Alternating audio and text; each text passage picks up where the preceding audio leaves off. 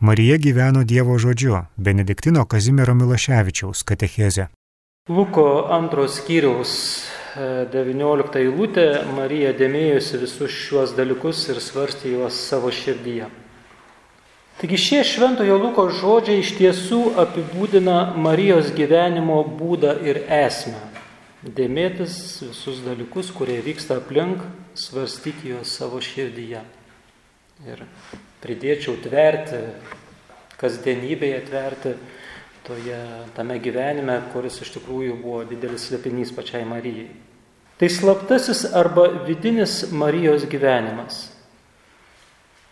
Mergelė Marija į viešumą išnyra pačioje pradžioje, kad tartų taip Dievui bei jo užmojui. Vėliau mergelės pasirodymai, Marijos pasirodymai yra pavieniai, neženklus, ir visada susiję su jo sunumi. Marija kaip po tokia viena nepasirodo.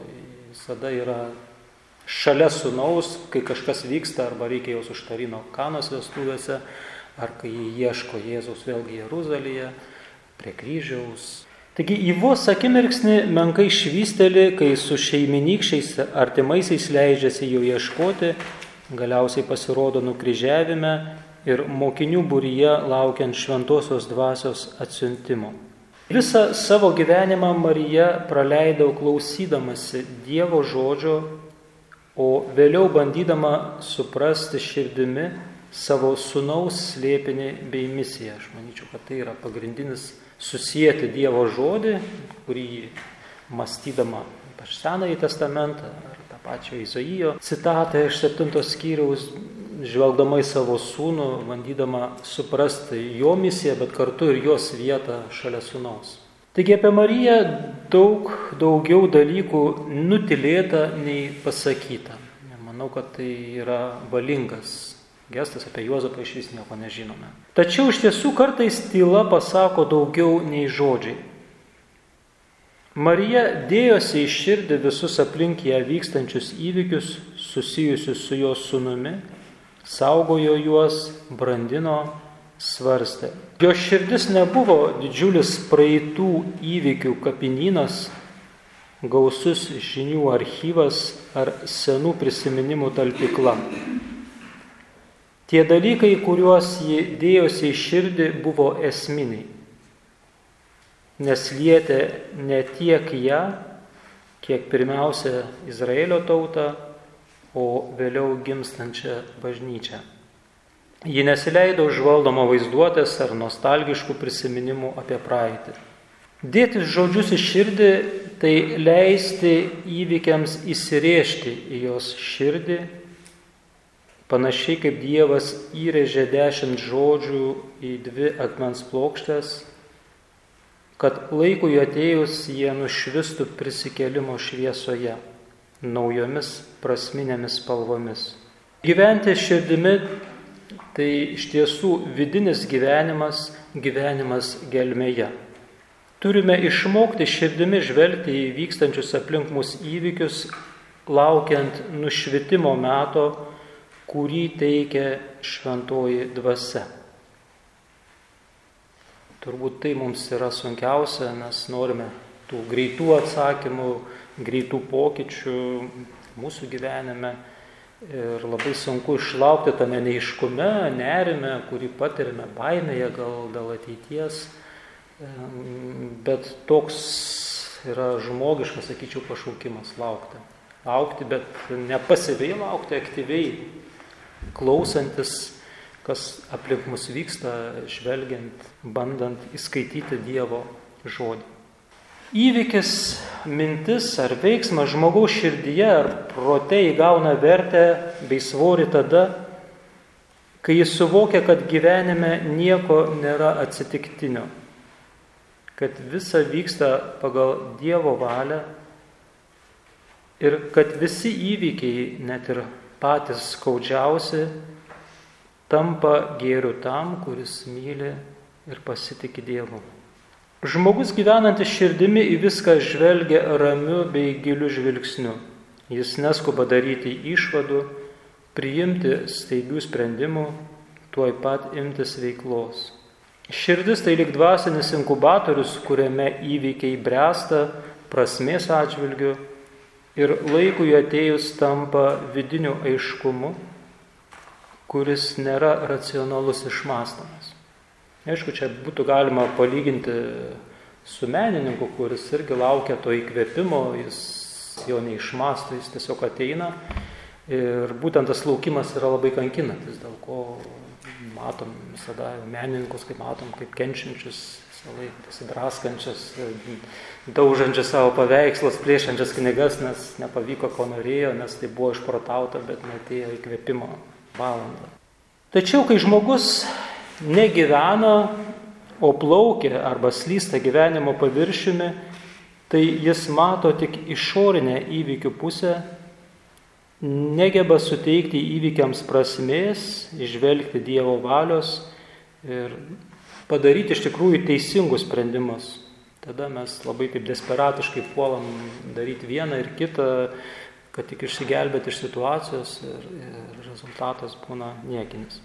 Po truputėlį tokio žmogaus širdyje atsiranda ir plečiasi tuštumos ir neprasmės dikuma.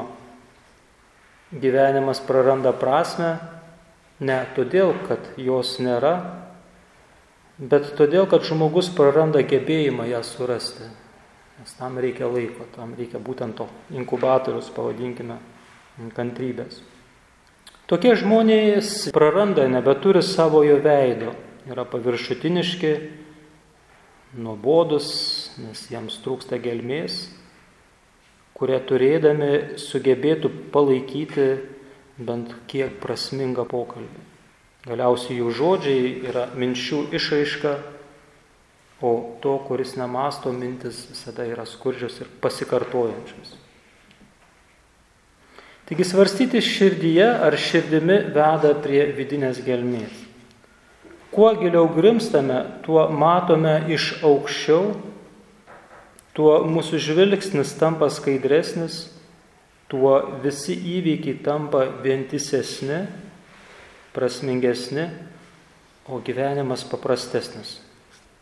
Iš tikrųjų, gyvenimas gelmėje veda į paprastumą, kaip nekeista, nes mes esame sudėtinės būtybės, kaip jau minėjau, sudarytos iš įvairių elementų ir kuo iš giliau žvelgiame į gyvenimą, tuo jis pasirodo paprastesnis ir nereikia tam, tam tikrą prasme didelių žygdarbių. Tai reikia atsiliepti. Tikinčioje gyvenime yra dar vienas labai svarbus dėmuo, na, šalia to gyvenimo širdimi, tai yra tikėjimas.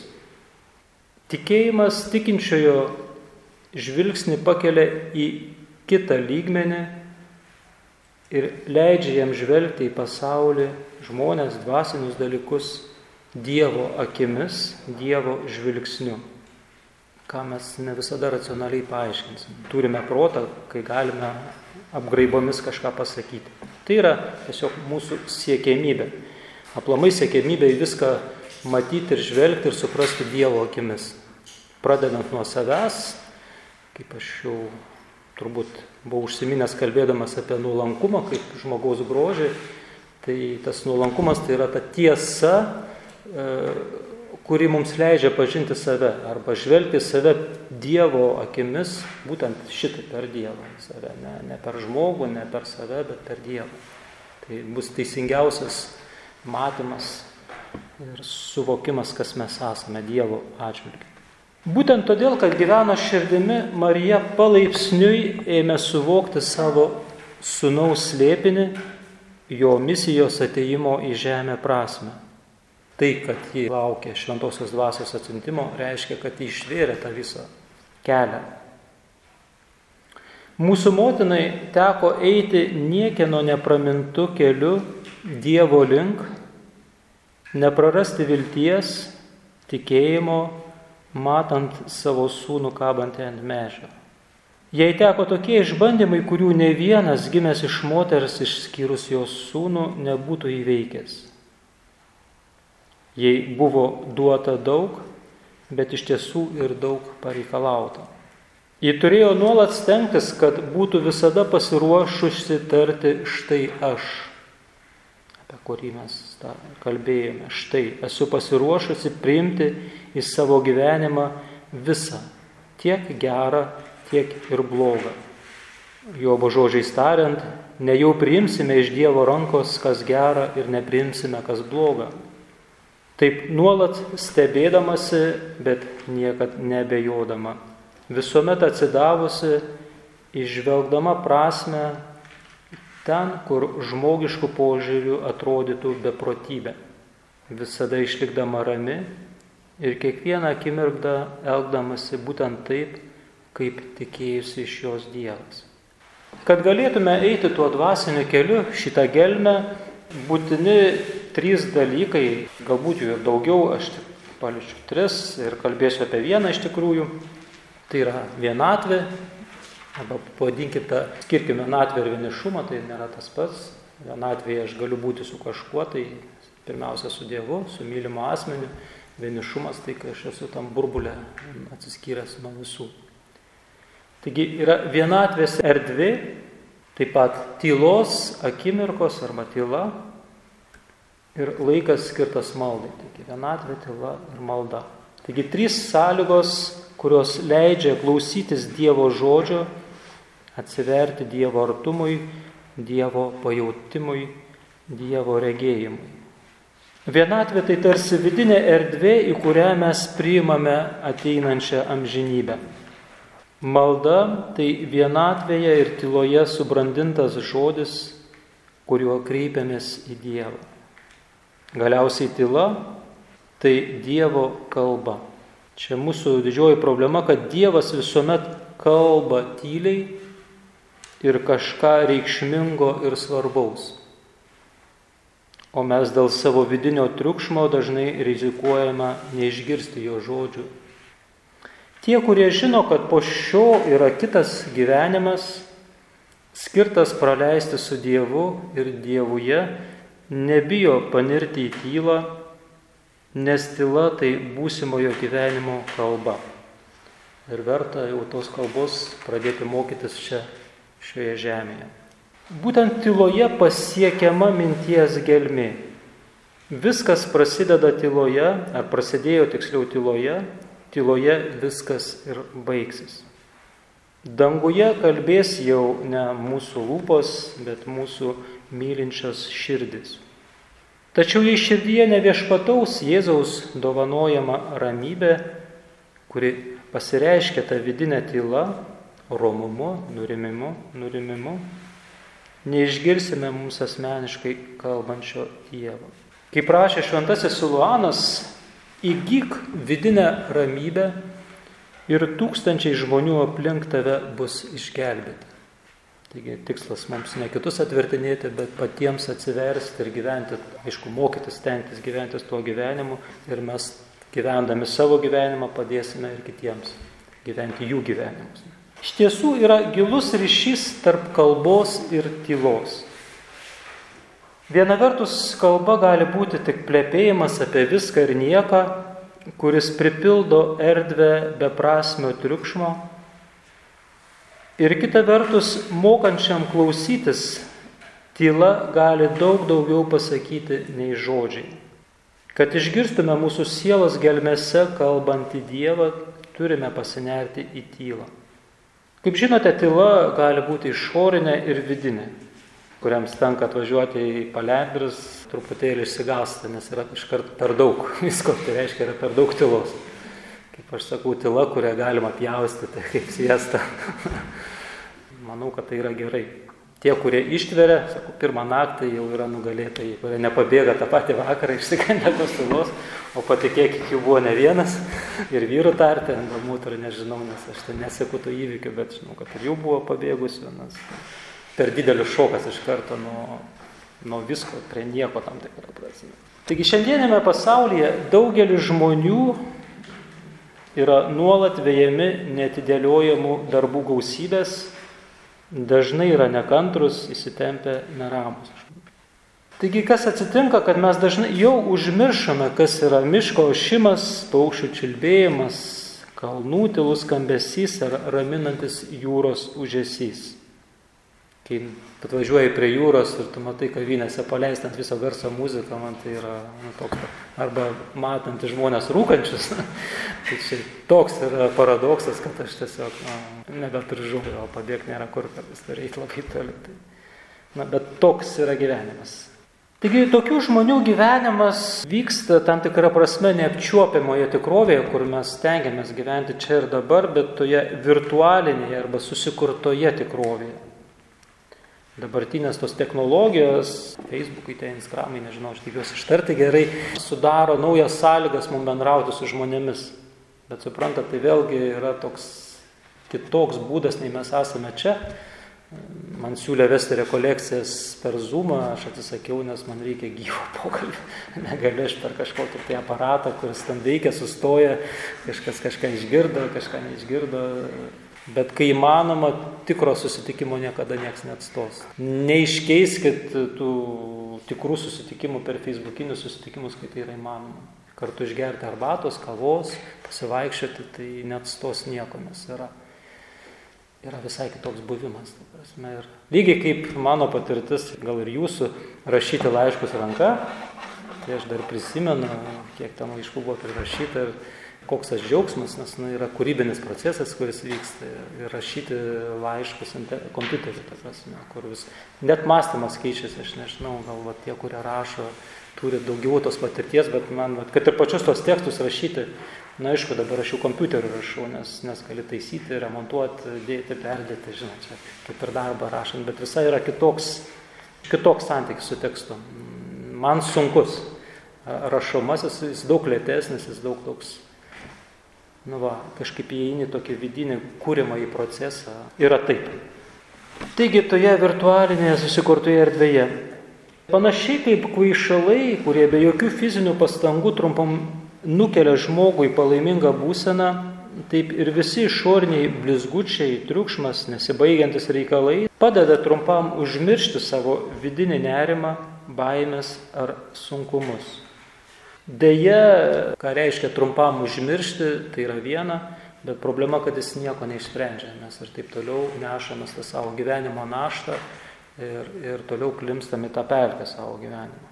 Taigi triukšmas tai būdas pabėgti nuo savęs, nuo santykio su kitais, su Dievu, galiausiai nuo tikrovės. Aš čia visiems pasakoju mano tokią patirtį su mano draugu, nebuvau vienuolynę, gyvenau labai tokioje romantiškoje vietoje, jeigu žinote, Skapo gatvė, ten prie dabar viskupijos rūmų. Ir kartą paskambino draugas, sako, žinai, susipykau su žmona ir galiu pas tave pernakvoti. Na gerai, sakau, atvažiuoju. Tai jis atvažiuoja, jūs atsineša visą televizorių su savimi. Jo neturėjau, taip, man, man buvo kitoks gyvenimo būdas. Negali net, net ir išvažiuodamas būti be televizoriaus, nes jam reikia įjungti triukšmas, tada jisai yra čia ir dabar, kaip sakant. Tai, Tai buvo nu, ta patirtis tokia, atrodo, paprasta, mane taip sukrėtė, kad po šiai dieną neužmirštu, kad, na, Ir aš pamenu, kad, kad, kad ir pas jį nuvažiuodavau, visada turi kažkas vykti. Tai telefonas, tai, tai muzika ar, ar televizorius, žodžiu. O jo nėra. O aš esu čia, o jo nėra. Tai labai tokia nemalonė patirtis, bet išlikome draugais nepaisant to. Tai va, tas triukšmas, kuris mus atitraukia nuo tikrovės. Šios išorinės, galbūt vizualios, garsinės šiukšlės, kaip aš jas vadinu, atima iš žmogaus tikrovės pajūtimą atima vidinę laisvę. Po truputėlį, iš visada mes turime laisvę taip pat susigražinti tą laisvę. Mes priprantame prie to ir nebeįsivaizduojame, kad gyvenimas galėtų būti kitoks.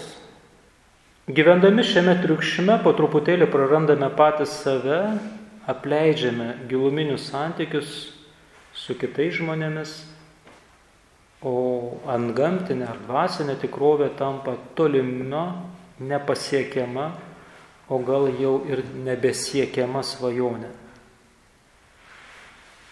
Taigi išorinis triukšmas tampa mūsų nelaisvės namais. Apie tai labai taikliai ir gražiai rašo Martinas Buberis, tas žydų filosofas, yra jo lietuvių kalba išleista dialogo principas. Aš čia truputėlį tokią citatą jums išperskaitysiu, pailustruoti.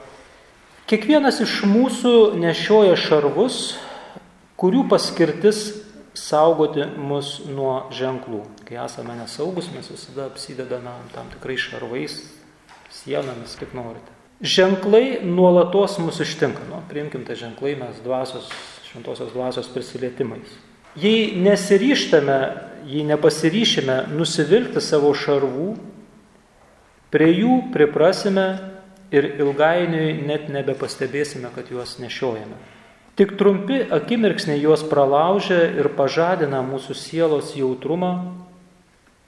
Ir kai tai atsitinka ir mes suklūstame, klausdami savęs, kasgi čia ypatinga įvyko, argi tai ne tas pats, kas man nutinka kasdien, tada galime savo atsakyti, žinoma, nieko ypatingo, viskas taip pat kaip ir kasdien, Tik tiek, kad šioje kasdienybėje mūsų nebūna.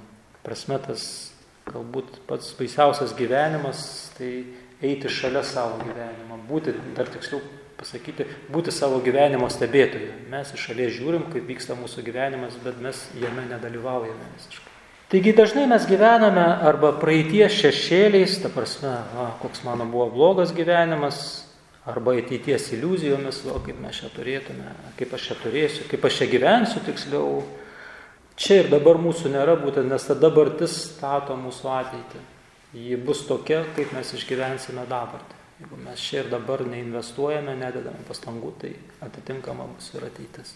Čia aš turiu savo tokią liūdną patirtį, pavadintim, kuri gerai baigėsi, tai kaip aš jau užsiminiau, kad mokiausi muzikos Aš turėjau savo idealus, gal jeigu truputį kas domisi džiazu, tai mano buvo idealas Petras Višniauskas, kurį aš ir labai ir dabar gerbiu ir myliu. Tai aš kaip jaunas, tai visą, va, koks aš būsiu, koks aš būsiu. Ir tai niekad nebūdavai čia ir dabar, kur tau reikia dėti tų pastangų, žinoma, kad, kad būti tuo. Tai taip ir liko, kuo aš būsiu, kuo, aš, kuo, kuo ir nebebuvau ir netapau. Tai toks per daug žiūrėjimas į ateitį na, nėra geras. Žinoma, kad žmogus nėra gerai užprogramuota ir puikiai funkcionuojanti mašina. Užtenka šiek tiek vidinių sukretimų, kančios, mirties patirties nelaimių, kurie pažadina žmogų, sugražina jį į tikrovę. Juk yra žmonių, kurie nemato medžio tol, kol jiems neprireikia jo nukirsti. Yra žmonių, kuriems gyvūnai neturi vertės tol, kol jie nepatenka į skerdyklą. Yra žmonių, kurie nepastebi artimo tol, kol jis neiškeliauja amžinybę. Taigi žmogui reikalinga nors šiek tiek tos išorinės tylos, kad sugrįžt, sugražintų jį į tikrovę, į žavesi kasdienybės, kuri mums nuolat kalba apie nuostabius Dievo darbus. Išorinė tyla yra tam tikras testas, bandymas. Kai viskam nutilus išgirstame savo sielos virpesi ir pamatome jos vidinę būklę. Jei išsigandai, jei greit įsijungiai televizorių, nežinau, ar, ar muzikos kažkokį aparatą, popieriai prasti, bet nevil, nebeviltiški. Dar viena tokia graži istorija, šią mėgstu, čia tinka iš, jeigu domina tokio jezuito Antoni Demelio, Indijoje gyvena, išleista jo knyga vadinasi Varlės malda. Galite paskaityti, tam daug labai tokių pasakojimų, hinduistiškų kartais, bet, nu, krikščioniškų kartais su krikščioniška potekste. Tai, tai čia tokia vat, viena istorijėlė, labai maža, vienuoliška šį kartą. Kartą vienuolis vaikščiojo po vienuolino sodą ir išgirdo gėdantį paukštą. Akimirksnį kitą klausėsi, tarsi apkerėtas ir umai suvokė, kad niekada likščiol nėra iš tikrųjų išgirdęs paukščio gesmės. Tas pirmas susidūrimas, pirmas suvokimas. Kai gesmė nutrūko, vienuolis atsigrėžė vienuolino link ir staiga suvokė, koks jis buvo svetimas savo broliams. Pamažėl jam paaiškėjo, kasgi čia įvyko. Tas klausimasis buvo toks visa apimantis, jog laikas sustojo ir jis nepastebimai prisirėtė prie amžinybės. Man ta labai įdomi seka, kad pradžioje pats susivokė, kokia jo vidinė yra būsena, kad vis negyvena čia ir dabar, gyvena savo iliuzijose, bet dar giliau, kad susivokia, kad jis visiškai neturi santykio su broliais, prasme, koks ten santykis būtų labai prastas, prasme, kad labai taip per toli prieini prie esminės problemos. Tai kai iš tikrųjų mokai įsiklausytis ir, kaip sako, jis laikas sustoja ir tu nepastebamai prisilietėjai prie amžinybės. Tai va, čia tiek, šiek tiek apie tą išorinę tylą. Vidinė tyla, sakyčiau, tai yra širdies ekologija. Išorinė tyla, žinoma, yra sąlyga įeiti į vidinę tylą. Kai širdyje ramu, niekas nepajėgs mūsų sudrumsti, tada net ir išorinė tyla mums yra net tokia jau baisi. Dievas pirmasis savo žodžiu perskrodė pirmą pradę tamsos bei chaoso tylą. Ir šis Dievo žodis buvo kūrinti gale. Pradžios knyga mums sako, kad Dievo žodis yra kuriantis iš nebūties. Dievas tarė ir visa atsiranda. Šeštos dienos pabaigoje sukūrė žmogų, tai yra vyrą ir moterį, matė Dievas visą, ką padarė ir štai kaip nepaprastai gera. Dievas pirmasis savo amžinybėje, mylinčioje tyloje ištarė ir nuolat tarė mano vardą. Jis pirmasis pašaukė mane iš nebūties, pašaukė gyvenimui bei amžinybei. Taigi žmogaus esybė sukurta Dievo pranoksta tai, ką jis jaučia ar daro. Žmogus sukurtas Dievo tyloje turi taip pat įgyti šią vidinę tylą, kuri atspindi Dievo tylą. Todėl kiekvieno iš mūsų gyvenimas turėtų būti tas nuolatinis klausimas. Iš tiesų neretai vienuolių tyla ir maldos pasako žmonėms daugiau apie Dievą nei jų žodžiai apie jį. Dėl to mūsų tradicijai visada, kai atvažiuoja žmonės pas mus konkrečiai vienuolyną, pirmas būdas tai yra nesusitikti su vienuoliu ar pasikalbėti, bet tiesiog pabūti bažnyčioje maldoje. Tai yra būdas tiesiog nurimti, išgirsti save, susistiguoti savo gyvenimą ir po to galbūt iš to kils kažkokie konkretūs kiti klausimai. O, o kas dar yra gražiau, kad dažnai žmogus, kai ateina, a, sako, turėjau tiek daug klausimų, bet jau pusę jų išsprendžiau, nes išgirdau, supratau, pamačiau, nežinau, ar panašiai. Tai mano kita patirtis irgi atvažiavęs buvo vienas nu, žmogus, kuris dabar tapo kunigu vienuoliu, tada nebuvo dar. Jis ten problemų kalnas, jis man kalba kalba, kalba kalba, jau liturginės valandos, na gerai sustojom, po pietų vėl susitikom, kalba kalba, tai žinoma, gal keturias valandas kalba kalba, aš nei žodžio. Tai ir, ir pabaigoje, žinai, sako, ačiū, man dabar taip viskas aišku. Tai man matot, kad tyla reiškia daug. Nu, jau pasako, nu, viską suprato. Tai yra būdas iš tikrųjų, nu, pačiam klausti ir atsakyti. Tai Bet aišku, reikia kantrybės išklausyti. Tai... Taigi tikroji tyla tai meilės tyla. Tyla, žinote, gali būti, kai susipyksti su kuo nors, tai irgi tylia, tai net iš akių matai, kai žiežėdos eina žaibai, nelabai tos tylos yra. Taigi meilės tyla, ji neieško savo naudos. Mūsų tyla nebus tobula, jei ją slėgs nerimas ir neviltis. Bet kai nutyla netvarkingi troškimai, dinksta siena tarp mūsų pačių ir Dievo. Daugia žodžiaudžiamas žmogus išvaisto visas širdyje slypinčias vertybės.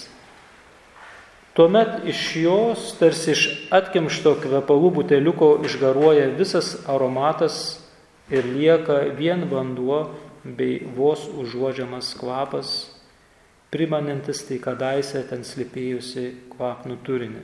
Ši dviguba tyla išorinė ir vidinė vienuoliškoje tradicijoje vadinama kontempliacija. Esate turbūt girdėję šie žodžiai, o be kontempliacijos nėra vidinio gyvenimo.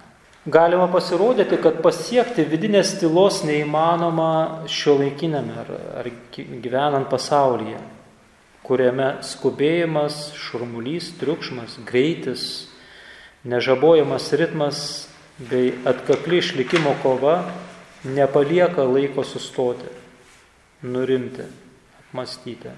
Ir visgi tas dvasinis gyvenimas, kūrimas vidinis gyvenimas, gilus gyvenimas arba kontempliacija, jeigu norite, šiais laikais yra ne tik galimas, bet ir mirtinai, aš jau sakysiu, reikalingas.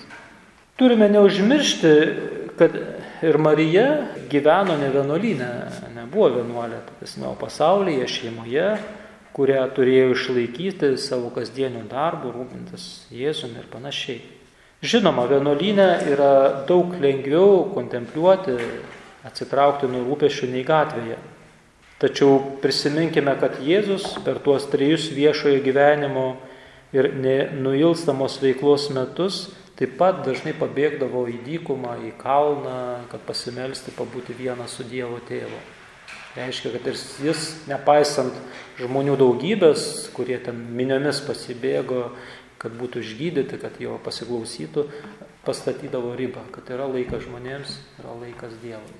Taigi Jėzus moko mus to, ką pats daro - išlaikyti pusiausvyrą tarp veikimo ir įprasminto buvimo pereiti nuo bendrystės su žmonėmis prie paslėpto gyvybę teikiančio dialogo su Dievu.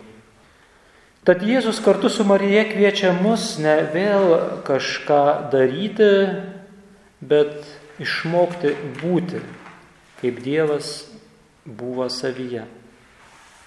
Būti tai reiškia pirmiausia būti savimi, likti savimi. Savyje, be kaukių, vaidmenų, be kažkokių vidinių įtampų. Gera būti šalia to, kuris yra čia ir dabar, kuris turi mums laiko ir niekur neskuba. Galbūt reikėtų daryti kaip Hanas vienuolis, kurio kartą paklausė, kaip jis turėdamas tiek daug visokių užsiemimų visada išlieka toks susikaupęs. Jis atsakė, kai aš stoviu, tai stoviu, kai einu, tai einu, Kai sėdžiu, tai sėdžiu, kai valgau, tai valgau. Ta mes darome, stengiamės daryti vienuolyną. Kai valgome, tai mes valgome. ir čia tas jį pertraukė, kuris klausė, sako, ir aš tą patį darau, kas čia ypatingo, ta prasme. Bet vienuolis jam atsako, ne, kai tu sėdi, tu jau ir stovi. Kai tu stovi, tu jau ir bėgi. O kai bėgi, tai jau esi ir atbėgęs. Prasme, tu nuolat esi, ką aš dabar darysiu, kaip čia man išspręsti, kaip čia suspėti, kaip čia, kaip, kaip, kaip, kaip, kaip, kaip. Ir kad kiekvienam dalykui yra savo vieta, savas laikas, yra laikas santykių. Ir man labai patiko išsireiškimas, kad mes neturime rasti laiko tiems dalykams, bet turime skirti laiko tiems dalykams. Mes niekada nerasime laiko. Visada rasime laiko tas, kas mums malonu, kas mums patinka, kas mus užveda bet skirti laiko niekaip. Kaip sako Skryva de Balager, nepagailėkime bent kelių valandėlių kasdien skirti susitikti su Dievu, kelti į savo mintis, be žodžių lūpose, bet su giesme širdyje. Taigi, kas nesistengs rasti laiko pabūti vienas su savimi ir širdimi apmastyti tų dalykų, kurie jį stebina, tas niekada neišnaudos susidariusio aplinkybių savo labui, savo gėriui.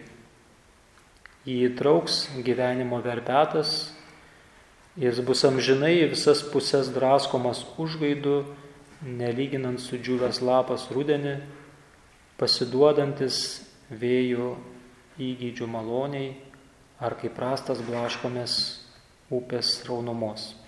Taigi kontempliacija kaip susikaupimas, apmąstymas, tas vidinis gyvenimas leidžia dėtis viską į širdį.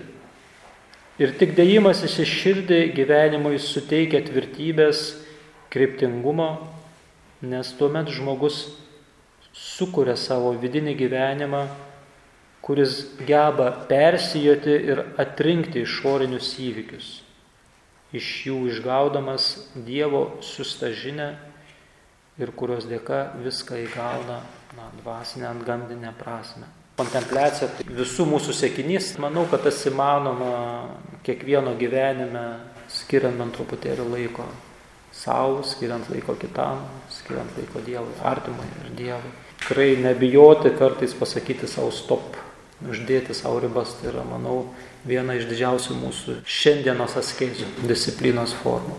Marija gyveno Dievo žodžiu, Benediktino Kazimiero Milaševičiaus katecheze.